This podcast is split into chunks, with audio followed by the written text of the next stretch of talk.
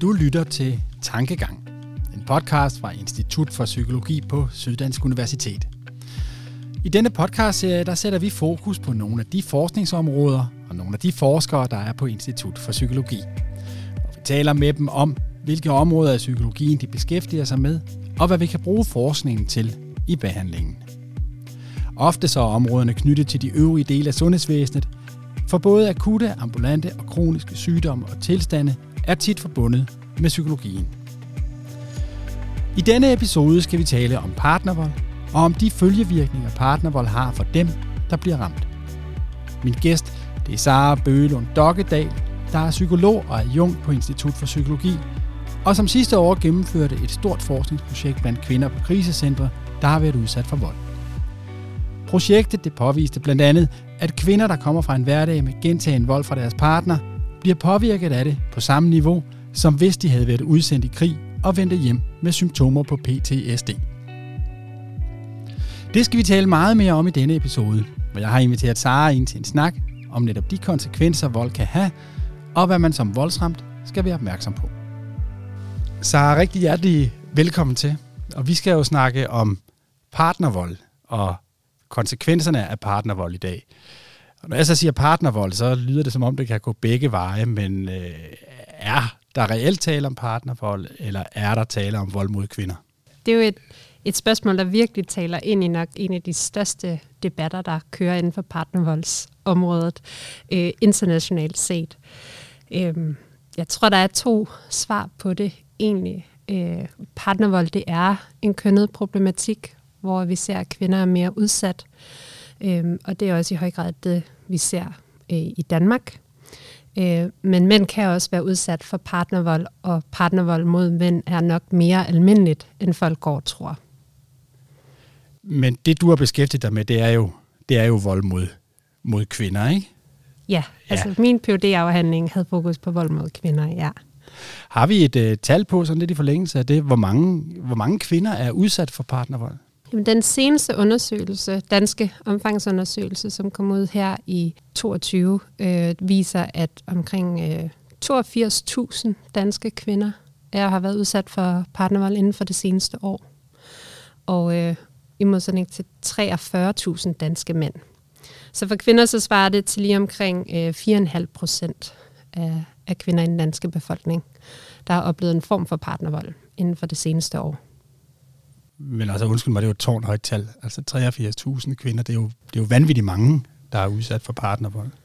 Ja, og tallet er formentlig endnu højere end det, fordi de muligheder, vi har for at undersøge det, har en, en stor fejlmavn, forventer vi. Der er mange mørketal. Øhm, der kan også være rigtig stor tvivl blandt voldsudsatte. Er det vold, jeg oplever? Øh, så vi forventer slet ikke, at det tal, vi har, indkapsler alle oplever partnervold. Så det er et, et stort problem. Vi skal senere snakke om de former øh, for, for vold, man kan blive udsat for. Øh, men nu læste jeg sådan, jeg blev lidt nysgerrig, fordi jeg så sådan en, en, en plakat eller en hjemmeside, det kan jeg ikke huske, hvor du skal holde en, en, en keynote til en konference under overskriften. Hvorfor går hun ikke bare?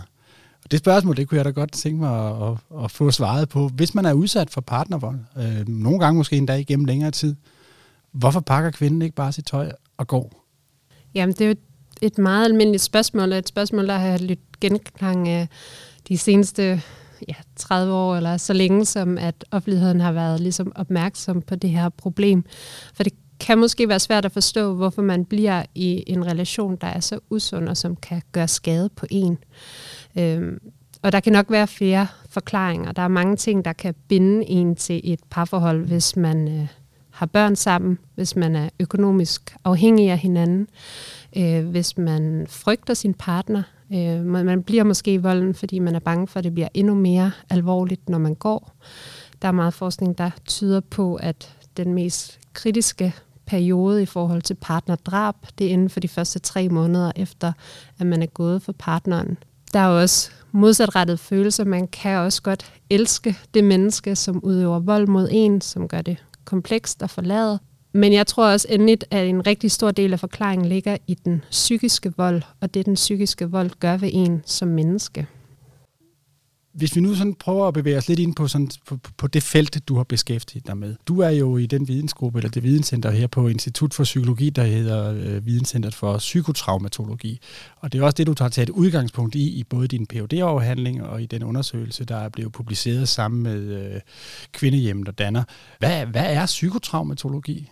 Psykotraumatologi er jo ja, studiet i, i psykiske traumer, altså så i, i traumatiske begivenheder, som mennesker kan være udsat for, og de konsekvenser, som det kan have, eller de risikofaktorer, der kan være forbundet med det.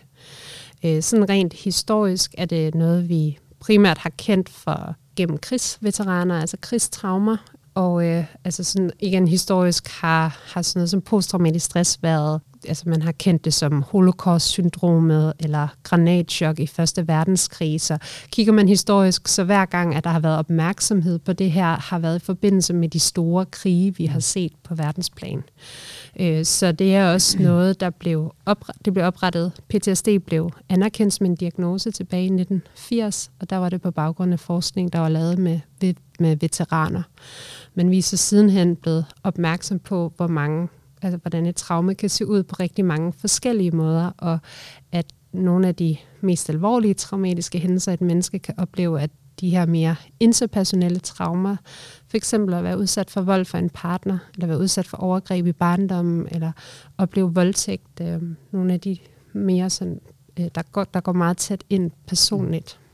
Så, så kort fortalt, så er psykotraumatologi, det er de øh, psykiske eftervirkninger og konsekvenser følger som en, et traume måtte have på det enkelte individ.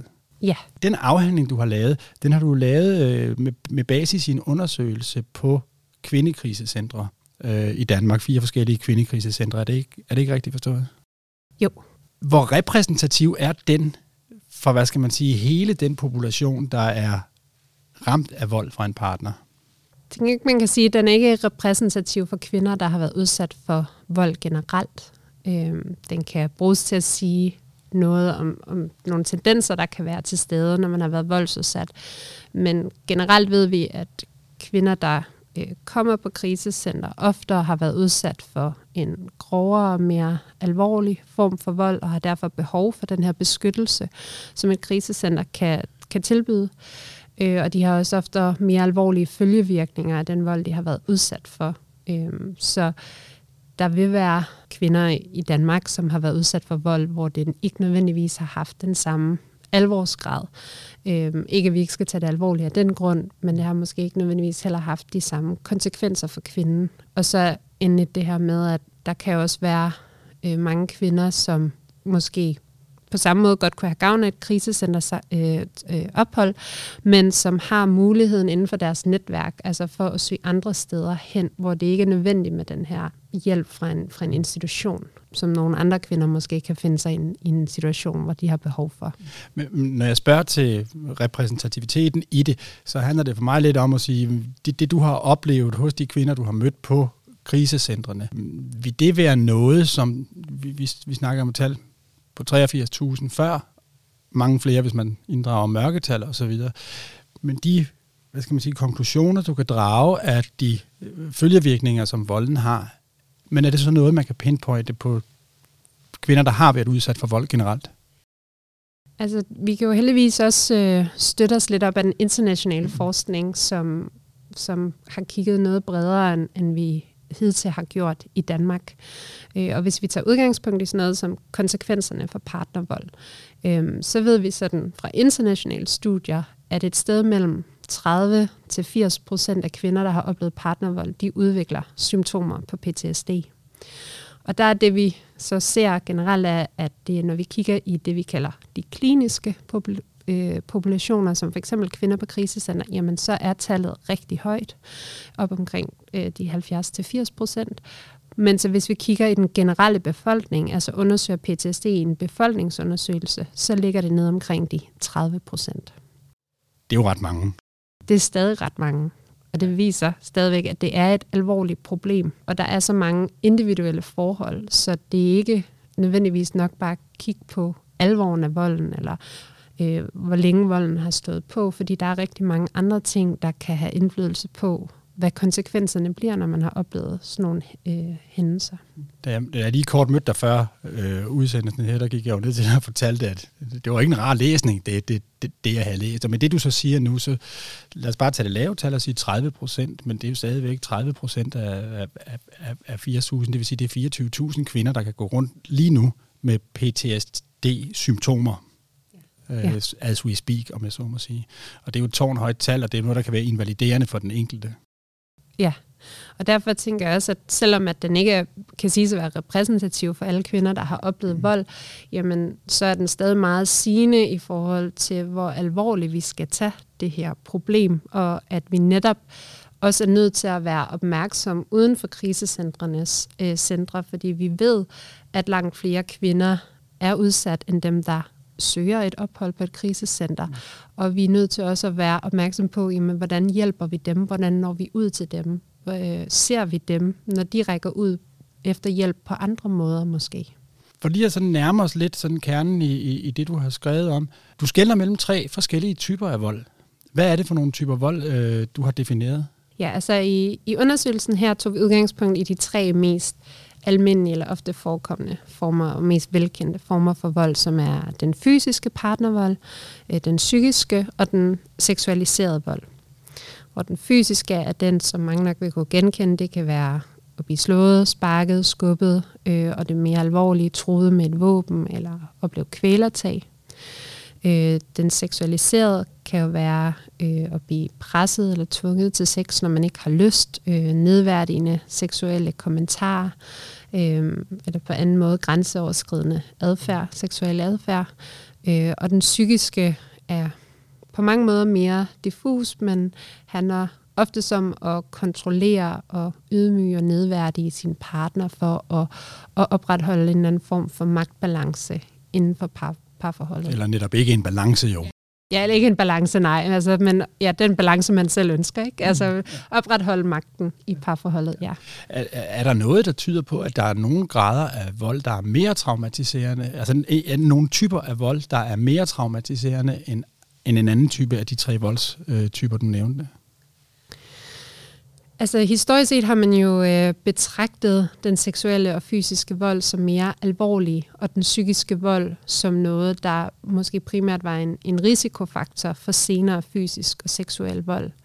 Men den nyeste forskning, og også det vi fandt i vores undersøgelse, er, at, at den psykiske vold faktisk er, øh, har, har mindst lige så store konsekvenser så jeg vil være ked af at sådan, øh, adskille dem på den måde. For det første så overlapper de tit rigtig meget, så det kan være svært at sige, hvad har den største indflydelse. Men alt tyder på, at hele den der, det psykiske spil, der kan være, den dynamik, har en rigtig skadelig effekt, som faktisk kan være sværere for individet at håndtere end, end den fysiske smerte, sådan øh, isoleret set. Men var du overrasket over, at den psykiske vold i lige så høj grad som den måske fysiske vold kan være traumatiserende? Jeg kan sige, min indfaldsvinkel, altså sådan udgangspunkt i at lave den her undersøgelse, kom af, at jeg tilbage, da jeg studerede, sad som praktikant på et, øh, som psykolog, øh, som øh, praktikant på et krisecenter, og, og havde samtaler med kvinder, der havde oplevet den her vold. Så på en eller anden måde synes jeg, det afspejlede meget godt min personlige oplevelse af det, kvinderne fortalte, og, og den indvirkning, som den her type vold havde. Men det var meget overraskende, hvis vi kigger på den måde, som vi forstår og definerer traumer. Øhm, for, for hvis vi kigger på den måde, diagnosesystemerne stiller det op, så kan vi i Europa, i det øh, diagnosesystem, som øh, WHO har udstedt, som vi bruger i Europa og i Danmark, der kan vi godt definerer psykisk vold som en traumatisk begivenhed, men hvis vi kigger på det amerikanske diagnosesystem, så, kan, øh, så kvalificerer psykisk vold sig faktisk ikke som et traume, fordi der skal være en øh, form for fysisk overgreb eller en trussel på livet, eller et, et seksuelt overgreb for at det kvalificerer. Sådan, hvis du ved det, hvorfor er der den forskel? Jamen, øh, det handler om hele den måde, tror jeg, som altså, vores viden om, om PTSD og traumer har udviklet sig. Der var også en tid, hvor at seksuelle traumer, altså voldtægt, ikke kunne, kunne øhm, klassificeres som et traume, fordi der ikke havde været en trussel på livet. Øhm, nu ved vi, at øh, voldtægt er et af de absolut værste traumer, altså eller mest alvorlige traumatiske begivenheder, et menneske kan opleve. Så hele vores forståelse for de her dynamikker og hvordan de, de udskiller sig, men man har jo meget forstået et traume som noget, hvor du føler en trussel på livet, og den trussel, som der er på spil i psykisk vold, den er tit meget mere øh, implicit. Øh, så den kan være sværere at måle. Så jeg tror, det er hele vores tilgang til at måle partnervold, tale omkring partnervold og lytte til offrene, som, hvor vi har sådan en forsinket forståelse for, hvad det egentlig er, der er på spil i parforholdet. Men det, som er lidt vigtigt at konkludere her nu, det er, at alle tre typer af vold, det er traumatiserende, og så kan man godt for nogens vedkommende måske øh, finde på at ligesom skøjte lidt hen over for eksempel den psykiske vold. Ja, så er der nogen, der bruger nogle skældsord, der er nogen, der råber lidt en gang imellem, men det er jo bare naturligt i et par forhold. Men det er ikke naturligt, det er psykisk vold. Lige præcis. Så, så det er også sådan, jeg helst vil sige det. Alle tre former er meget alvorlige. Øhm, og netop så, når man prøver at videreformidle viden om psykisk vold, så, så sker der tit den her diskussion, jamen er, er alle dårlige forhold så præget af psykisk vold? Er alle negative ting, man siger til sin partner, psykisk vold? Og det er det selvfølgelig ikke. Psykisk vold er meget mere systematisk. Øh, det er noget, der udvikler sig over tid, og det er kendetegnet ved magt og kontrol.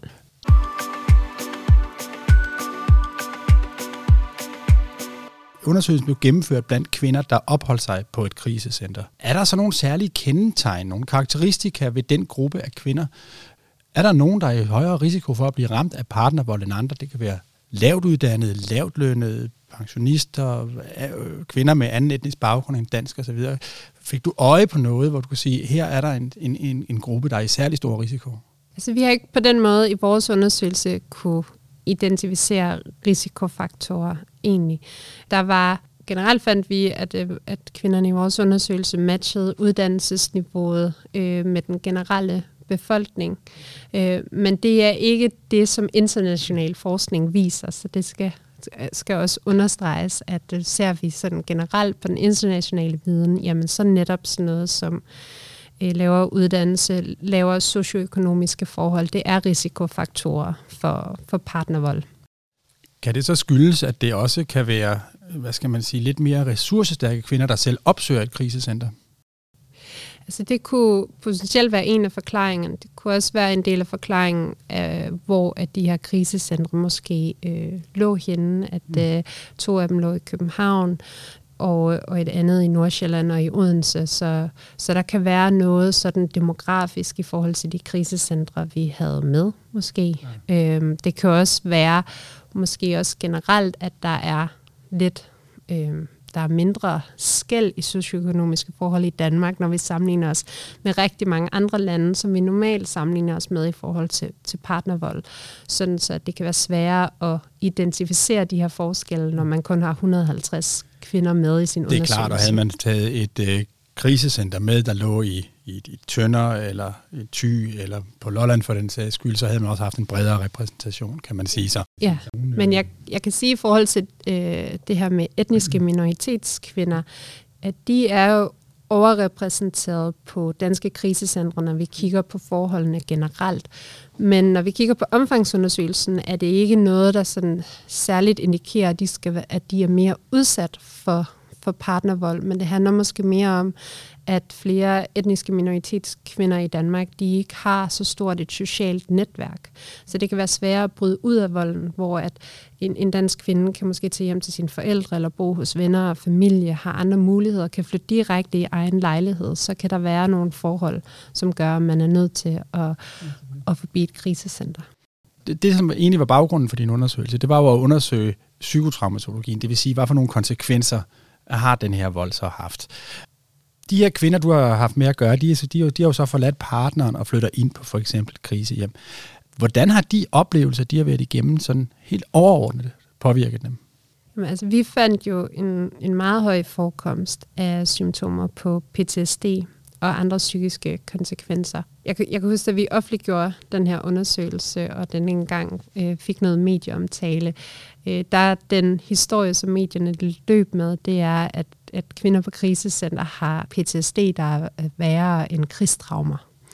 Øh, og det er meget egentlig retvisende for det, vi fandt. Altså sådan ikke, at man skal sammenligne det på den måde, men jeg tror, det kom bag på mange, at øh, op mod 70 procent af de her kvinder udvist øh, symptomer på PTSD, og PTSD er en ekstremt invaliderende psykisk lidelse, som har meget stor indvirkning på ens øh, funktionsniveau i dagligdagen og ens generelle trivsel. Så konsekvenserne er meget alvorlige. I skældner mellem PTSD og kompleks PTSD, og du understreger også, at det er symptomer på det, fordi PTSD er en diagnose, og den kunne I ikke stille øh, ud fra det, I havde. Så det er symptomer på PTSD. Hvad for nogle symptomer øh, har man, når man har PTSD? PTSD kendetegner ved sådan tre kernesymptomer, kan man sige. At man har genoplevelsessymptomer, hvor at, øh, at den vold, man har været udsat for, eller det traume, man har været udsat for, det ligesom bliver ved med at genspille sig for en. Det kan være ved konstante ting, der, der minder en om det, om tankemøller, øh, mareridt om midt om natten, man vågner med, hvor man bliver ved med at føle, at volden foregår stadigvæk. Øh, og det, det afspejler sig så meget godt i det næste symptom, som er øh, undgåelsesadfærd, hvor man simpelthen bliver meget optaget af at prøve, og man udvikler en adfærd for at prøve at undgå overhovedet at tænke på noget, der kunne minde en om det, man har været udsat for, eller overhovedet at færde steder, som på nogen måde kunne minde en omkring det traume eller den vold, man har oplevet. Og endelig så øh, sådan en øget vaksomhed, at kroppen forbliver i den her øget stresstilstand, hvor man hele tiden tror, at den er udsat for noget potentielt farligt igen. Så det klassiske eksempel er, hvis man hører en dør, der smækker, så farer man sammen, som om der sker noget, der, der er meget voldsomt. Så det vil sige, at kroppen hele tiden er, så at sige, alarmberedskab? Ja, fordi det er meget det, der sådan kendetegner. Det er naturligt for kroppen at reagere med ekstrem stress, når vi er udsat for noget voldsomt. Det er også det, der på en eller anden måde tvinger os til at handle i farlige situationer. Men det, der så kendetegner øh, PTSD'en, det er, at når, når så faren er over, jamen så skal vi gerne stabilisere os igen. Så skal vi gerne tilbage til det normale funktionsniveau. Men når man udvikler PTSD, så sker det ikke. Så forbliver kroppen i den her øh, stresstilstand det var PTSD, men så kommer du så også ind på det, der hedder kompleks PTSD. Øh, det lyder jo værre, hvis jeg skal sådan lige ja. fra, fra toppen af, men, men, men, men hvad er øh, symptomerne på kompleks PTSD? Jamen, kompleks PTSD, det, man, kan, man kan vel godt sige, at det er værre, fordi det er en mere kompleks traumatisering, som kræver, at alle symptomerne på PTSD er til stede, og derudover så har man sådan nogle tillægssymptomer øh, øhm, som øh, mere går ind og påvirker en på sådan det personlige plan, at øh, man udvikler et øh, meget negativt selvbillede, at man får problemer med at, at regulere sine følelser. Man kan enten blive ekstremt ked af det, eller ekstremt vred over ting, der ikke påvirker andre så meget, eller måske faktisk slet ikke kan mærke sig selv. Øh, og at man får problemer i sin relation til andre mennesker. Man har svært ved at have tillid til, at andre mennesker vil en det godt og derfor isolerer man sig. Er der en sammenhæng mellem tendens til PTSD, PTSD-symptomer eller komplekse PTSD, PTSD-symptomer, og så grovheden eller hyppigheden af den vold, øh, kvinderne har oplevet? Ja, altså kompleks PTSD er generelt øh, en lidelse, som vi forbinder med sådan mere langvarige traumer, som foregår, altså som gentager sig over tid. Det var oprindeligt også altså noget, man, man først har identificeret meget hos øh, børn, der har været udsat for overgreb. Altså hvis man er vokset op i en familie, hvor at der er sket gentagende overgreb eller omsorgssvigt, så er man i meget yder risiko for kompleks PTSD. Men det er altså det samme, vi netop ser i partnervolds, øh, med, med partnervold, fordi man bor i det i, i så lang tid, så kroppen, der sker den her mere permanente ændring i ens personlighedsstruktur. Øh, hvor at ved PTSD kan det være mere almindeligt, der skal kun, altså i situationstegn, kun én traumatisk hændelse til at udløse det, fordi at det vækker det her fysiske respons i kroppen. Og så er tingene jo aldrig så simple der er tilfælde, hvor folk udvikler kompleks PTSD ved, ved mere enkelstående traumer, og der er også tilfælde, hvor folk ikke udvikler kompleks PTSD, selvom det har været længerevarende. Men det er den generelle tendens. Det er en af de ting, du også fandt ud af, det var jo, at der godt kunne være, altså at der var mange af de kvinder, der var talt om her, der tidligere i deres liv har været udsat for et traume. Er der en årsag til det? Ja, altså generelt kan man sige, både det at have været udsat for, for tidligere traumer, og måske særligt i barndommen, kan jo have en indvirkning på, hvad, hvad vi som mennesker forventer af, af andre mennesker og forventer af livet. Så hvis man har været vant til at blive behandlet på en særlig måde, jamen så er det jo det, man genkender senere i livet i, i et parforhold for eksempel. Men det kan også sådan rent øh, psykisk, øh, så ved vi, at sådan noget som PTSD, det er en risikofaktor for at blive udsat for, for vold senere i livet igen, fordi at det ændrer noget ved vores evne til at opdage fare og afkode andre mennesker. Så har man været udsat for partnervold en gang, jamen så vil, kan PTSD være med til at sætte en i større risiko for, at der sker ny vold i ens næste parforhold. Så, så, så altså, undskyld, hvis jeg overforsimpler her, men, men der kan også godt, altså, det, man, man, man oplever næsten noget, der er normalt i en partner, der kunne opføre sig sådan. Sådan vil det, sådan vil det være for nogen, ja. Øh, og man er i hvert fald har meget svært ved at identificere, hvad er det, der er risikofaktoren her? Mm. Altså, hvad er det for en adfærd, jeg skal, øh, jeg skal passe på, eller jeg skal... Være på vagt overfor. Være på vagt overfor, ja. De grænser bliver ligesom, kan blive udvisket.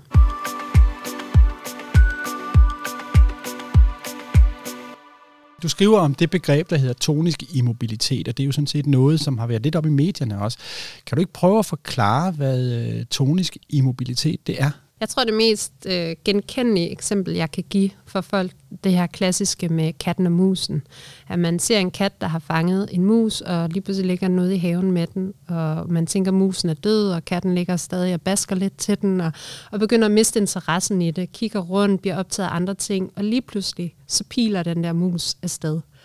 Fordi den har egentlig ikke været død, men den har været i sådan en frosset tilstand, øh, oplevet sådan en midlertidig lammelse, hvor den ikke har været i stand til at handle.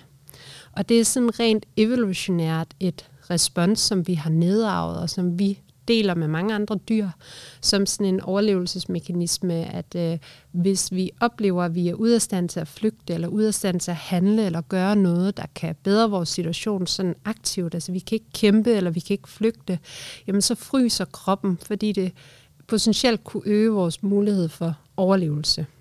Det er jo det, man sådan en gang imellem hører om, når man for eksempel taler om jamen netop vold, også vold mod kvinder, og voldtægt især måske.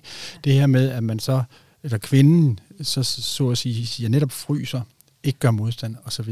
Jeg skal lige forstå, du siger, at det er nedarvet evolutionært. Kan man aflære sig det? Nej, det sker helt uh, instinktivt. Det er slet ikke noget, vi har kontrol over på nogen måde, så det er heller ikke noget, vi sådan, det er ikke noget, du du vælger at gøre. Det er noget, der sker, når kroppen simpelthen er presset i det yderste.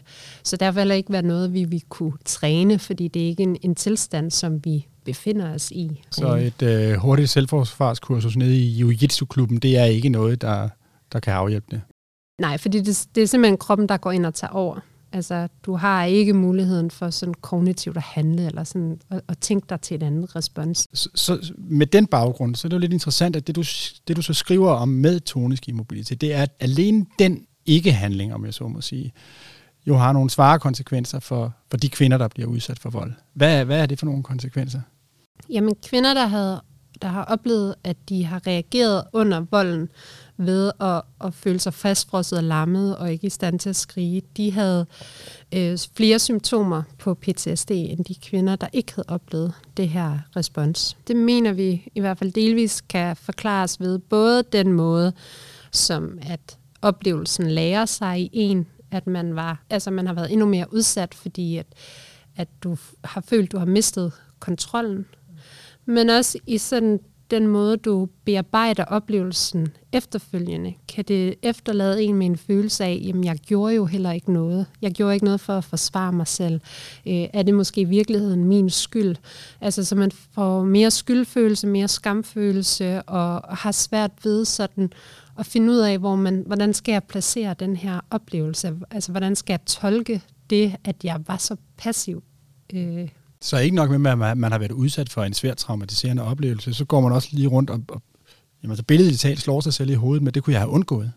Ja, altså mange kommer til at netop bebrejde sig selv og tænke, jamen hvis jeg havde handlet anderledes, det var nok ikke sket for andre mennesker.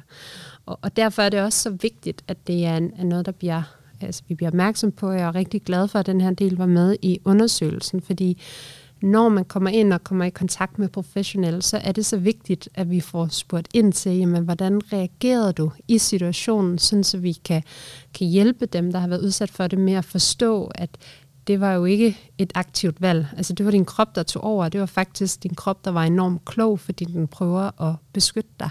Den gjorde det, som den vurderede var den, din største chance for at komme godt ud af den situation, du var i. Øh, så vi kan omskrive fortællingen af, hvordan det var, at, øh, at, at kvinden her reagerede. Uh, vi, var, vi var jo lidt inde på det, det her med, hvorfor går hun ikke bare? Sådan firkantet sagt, hvor svært er det at bryde med den her vold?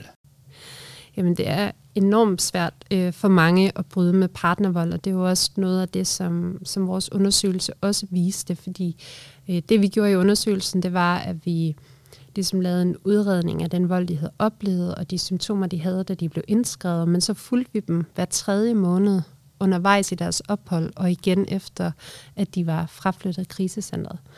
Og noget af det, vi fandt, det var jo, at over halvdelen, altså jeg mener, det var 57 procent af, af kvinderne rapporterede om nye episoder af vold, mens de boede på, på krisecentrene. Og så kan man jo sidde og tænke, jamen virker krisecentrene så overhovedet? Og det vil jeg helt sikkert sige, ja det gør de. Men det siger noget om, hvor kompleks vold er, og hvor mange måder der er at udøve vold på. Fordi det var også noget, vi, nu taler vi om de her tre former for vold tidligere, men der er jo mange andre måder at udøve vold blandt andet stalking og digital vold øhm, og økonomisk vold. Så rigtig mange kvinder, der kommer på krisecenter, som rent faktisk har haft øh, modet og har, har fået handlet og nu er øh, fysisk kommet i sikkerhed, jamen de kæmper stadig med, at de bliver kontaktet øh, på telefonen eller over sociale medier, at deres venner og familie bliver chikaneret, at de øh, oplever vold, når de skal lave bodeling, at de oplever vold, når de skal til møde i familieretshuset omkring samvær med børnene. Øh, Øh, og når først man har levet i et voldeligt mønster meget længe, så skal der meget, meget lidt til, at den her vold egentlig kan udføres. Og det kan være meget svært, hvis ikke man har voldsfaglig viden som faglige medarbejdere, måske at opdage, hvordan de her dynamikker udspiller sig. Så der er mange af de her kvinder, der fortæller om, hvordan de kan sidde til til, til møder med fagpersoner, og så faktisk føle sig udsat for vold i situationen på grund af de beskyldninger, der kommer mod dem, eller på grund af det blik, der bliver sendt, eller den gestus, der lige bliver lavet imod dem. Så, så, så noget, der simpelthen er lagret i, i, i kvindens hukommelse, eller måske altså rent, rent fysisk i kroppen, øh, det bliver trigget af, af de her, øh, hvad skal man sige, de, de små bemærkninger eller blikke, der kommer.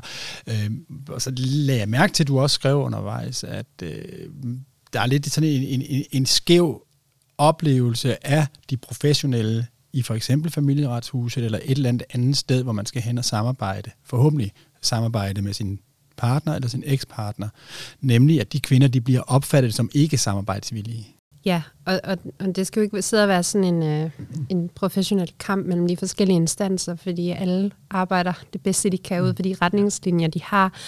Øh, men, øh, men noget af det, som jo altså, som jo optager rigtig mange kvinder. Mange af de kvinder, der kommer på krisecenter, har børn, og de ender i de her samværsproblematikker.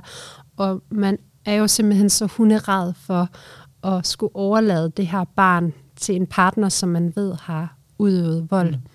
Og derfor så er den proces at skulle gå ind i en samværs, øh, altså at tale om samvær og oparbejde samvær, er jo enormt stressfremkaldende for de her kvinder, og der kommer beskyldninger om ikke at være samarbejdsvillige. Jeg har også eksempler på kvinder, der af deres advokater er blevet rådet til at fraflytte krisecenter, før de egentlig var klar til det, fordi de ikke skulle fremstå øh, svage, øh, som om at de ikke kunne tage vare på sig selv. Så for at de kunne fremstå bedst muligt, så skulle de faktisk flytte ud af den sikkerhed, mm. som de havde opsøgt, måske netop for at passe på deres barn. Så det er bare... Som jo virkelig er et styrketegn. Lige præcis, som det burde være et styrketegn. Men som er den udøvende part, eller den partner, som måske også står meget frustreret tilbage, kan blive vendt til at se, se hvordan skal hun kan passe på mit barn. Hun kan ikke engang passe på sig selv.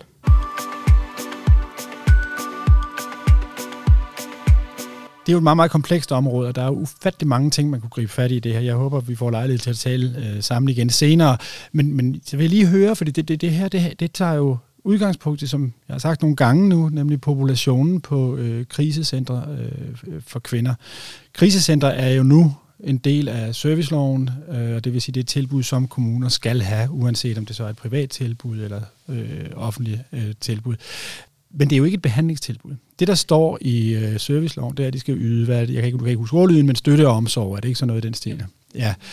Så, så, så jeg tror, mit spørgsmål, det, er, det, det så er, når det så er gjort, at du har rost dem og sagt, at det, det, det hjælper. Altså, de, de, kvinderne får det forhåbentlig bedre, og det, det er en fantastisk indsats, der bliver ydet der. Men findes der så reelt behandlingstilbud til voldsramte kvinder, når de for eksempel flytter ud fra krisecentrene? Nej, der findes ikke nogen sådan øh, officiel og, og, og nogen ret til, at så kan du få behandling på baggrund af de ting, du har oplevet, og de symptomer, du oplever.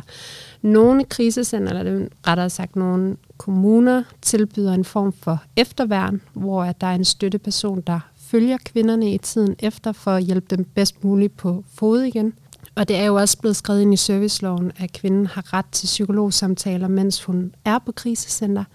Men det er tit også en meget kaotisk periode, hvor at hele deres liv er blevet kastet op, og de skal lave bodeling og søge skilsmisse og lave risikovurdering. Pas på deres børn. Pas på deres børn. Finde ud af deres jobsituation og meget, meget andet. Så det er måske heller ikke den mest hensigtsmæssige tid at gå ind i en terapeutisk proces. Men når man fraflytter krisecenter, så står rigtig mange af kvinderne alene. Og lige nu har man den mulighed, at man kan øh, gå til egen læge og få en henvisning til noget psykologhjælp med tilskud fra den offentlige sygesikring, hvis du har været udsat for vold inden for det seneste år, mener jeg, der er. Øh, men det er stadigvæk med en egenbetaling, mm. som kan gøre det svært for mange kvinder måske at, at opsøge den form for hjælp. Og så er der selvfølgelig muligheden, at hvis du altså opfylder diagnosekriterierne for PTSD, og, og at det er en af en sværhedsgrad, som gør, at du måske kan komme ind i psykiatrien og få noget reel behandling. Men der er ikke særlig mange, der går den vej, eller som får den type hjælp. Og det vores undersøgelse viste, var, at, at omkring 30 procent af kvinderne fortsat havde symptomer på PTSD tre måneder efter de var fraflyttet. Og de står altså meget alene, øh, fordi vi ikke på den måde har et etableret tilbud til at gribe dem og hjælpe dem videre øh, herfra. Du er jo selv fagperson. Du er psykolog, og nu er du oven købet ekspert i netop det her område her. Er der behov for det? Ja, det vil jeg helt sikkert mene, der er. Det var den meget korte udgave, så vi behøver ikke sidde og skælde ud på, på, på det danske sundhedsvæsen eller på behandlingssystemet som sådan, men en traumatiserende oplevelse, og det, der måtte komme efter, uanset om man så bliver diagnostiseret med PTSD eller ej, er det i din opfattelse lige så, hvad skal man sige, hindrende, måske endda invaliderende, som en fysisk sygdom måtte være? Øh, helt bestemt. Øh, og det er også derfor, jeg tænker, at øh, udover sådan ren trivsel, så er det jo også bare sådan nogle ting som ens evne til tilknytning på jobmarkedet, mulighed for at tage uddannelse, øh, evne som forsørgende forældre, muligheden for at kunne bryde den her negative sociale arv i forhold til at kunne give sine børn en bedre fremtid og etablere et nyt liv det er jo alle sammen øh, livsaspekter, som kan være vanskelige, hvis du øh, døjer med en meget invaliderende psykisk diagnose. Og det er jo ikke sådan, vi kan jo ikke, skal jo ikke tvinge nogen i behandling, men at det var mere tilgængeligt for dem, som har behov for at arbejde med konsekvenserne af det, det, de, har, det, det, de har oplevet. Så fik du faktisk næsten svaret på mit sidste spørgsmål, at det har en en, en, en voldsom konsekvens for deres netop arbejdsmarkedstilknytning, deres uddannelsesforløb, og, og jo også for dem, de omgiver sig med. Altså her tænker jeg specielt på børnene, det kan jo være en, en det er jo også en voldsom oplevelse for dem at flytte på et krisecenter fra, væk fra en voldelig far. Ja, helt sikkert. Og øh, at være barn i et vold, eller et hjem, hvor der forekommer vold, kan være lige så skadeligt, øh, hvis du er barn, som det er at være, selv at være udsat for vold. Og, øh, og det at være udsat som barn kan for det første have lige så alvorlige psykiske konsekvenser, som det kan for voksne, men det putter også i en betydelig større risiko for både selv at blive udsat for vold senere i livet, men også selv at blive udøvende af vold senere i livet. Så den korte konklusion, det er, at det kan have nogle voldsomme og, meget omkostningstunge konsekvenser, øh, det der foregår. Det tror jeg bringer mig hen til det, som måske godt kunne blive afslutningen på det her. Øhm, har du generelt et godt råd til kvinder, der oplever sig fanget, eller øh, der oplever sig som værende i et parforhold, der er præget af en eller anden grad af vold? Altså det bedste råd, jeg nok kan give, er at prøve at tale med det med næsten hvem som helst. Altså en person, man er tryg ved. Det kan være en nærtstående, en veninde, et familiemedlem, øh, men det kan også være at søge noget ambulant rådgivning, for jeg vil faktisk sige, at vi har et rigtig velfungerende system i forhold til at rådgive potentiel voldsudsatte. Vi har en national hotline, som man kan ringe ind til, men der er også krisecentre og andre NGO'er har ambulant rådgivning, som på ingen måde er forpligtende, og det er anonymt. Så hvis man er i tvivl, jamen så ring og fortæl om nogle af de ting, du oplever, så du kan få større indsigt i din egen situation. For jeg tror, den mest øh, ud, altså, ja, sagte sætning på krisecentre ved alle kvinder, der kommer ind, det er, jeg ved ikke, om det er vold, jeg er udsat for, men. Og efterfølgende kan der være nogle ret voldsomme beretninger om partnervold. Kan vi ikke aftale, at vi lægger en række telefonnumre og webadresser op i episodenotene til den her, så kan jo. kvinder, der hører det her, og måske er i tvivl, eller måske ikke ved, hvor de skal skaffe hjælp, så kan de gå ind der. Det synes jeg er en god idé. Tusind tak, fordi du kom, Sara. Ja, selv tak. Tak til Sara Bøgelund Dokkedal, der fortalte om de voldsomme konsekvenser, som voldsramte kvinder lider under. Hvis du eller en i din omgangskreds befinder dig i en situation, hvor du kan have behov for at tale om det, så kan du i noterne til denne episode finde kontaktoplysninger til en række steder og tjenester, der kan hjælpe dig. Dem skal du endelig benytte dig af. Jeg håber, at du har været glad for at lytte med, og måske også er blevet lidt klogere undervejs, og derfor også har lyst til at lytte med en anden gang. Hvis du har brug for at komme i kontakt med en forsker på Institut for Psykologi ved Syddansk Universitet, så kan du finde os på vores hjemmeside, sdu.dk, hvor du bare skal søge på Institut for Psykologi. Du kan også skrive til os på mail, og det kan du gøre på adressen psychology, stavet på engelsk, snabelag healthsdu.dk. Begge adresser kan du også finde i episodenoterne til denne podcast. Tankegang er produceret af Institut for Psykologi ved Syddansk Universitet og tilrettelagt og redigeret af mig, og jeg hedder Torbjørn Hertz Jensen. Tak for denne gang.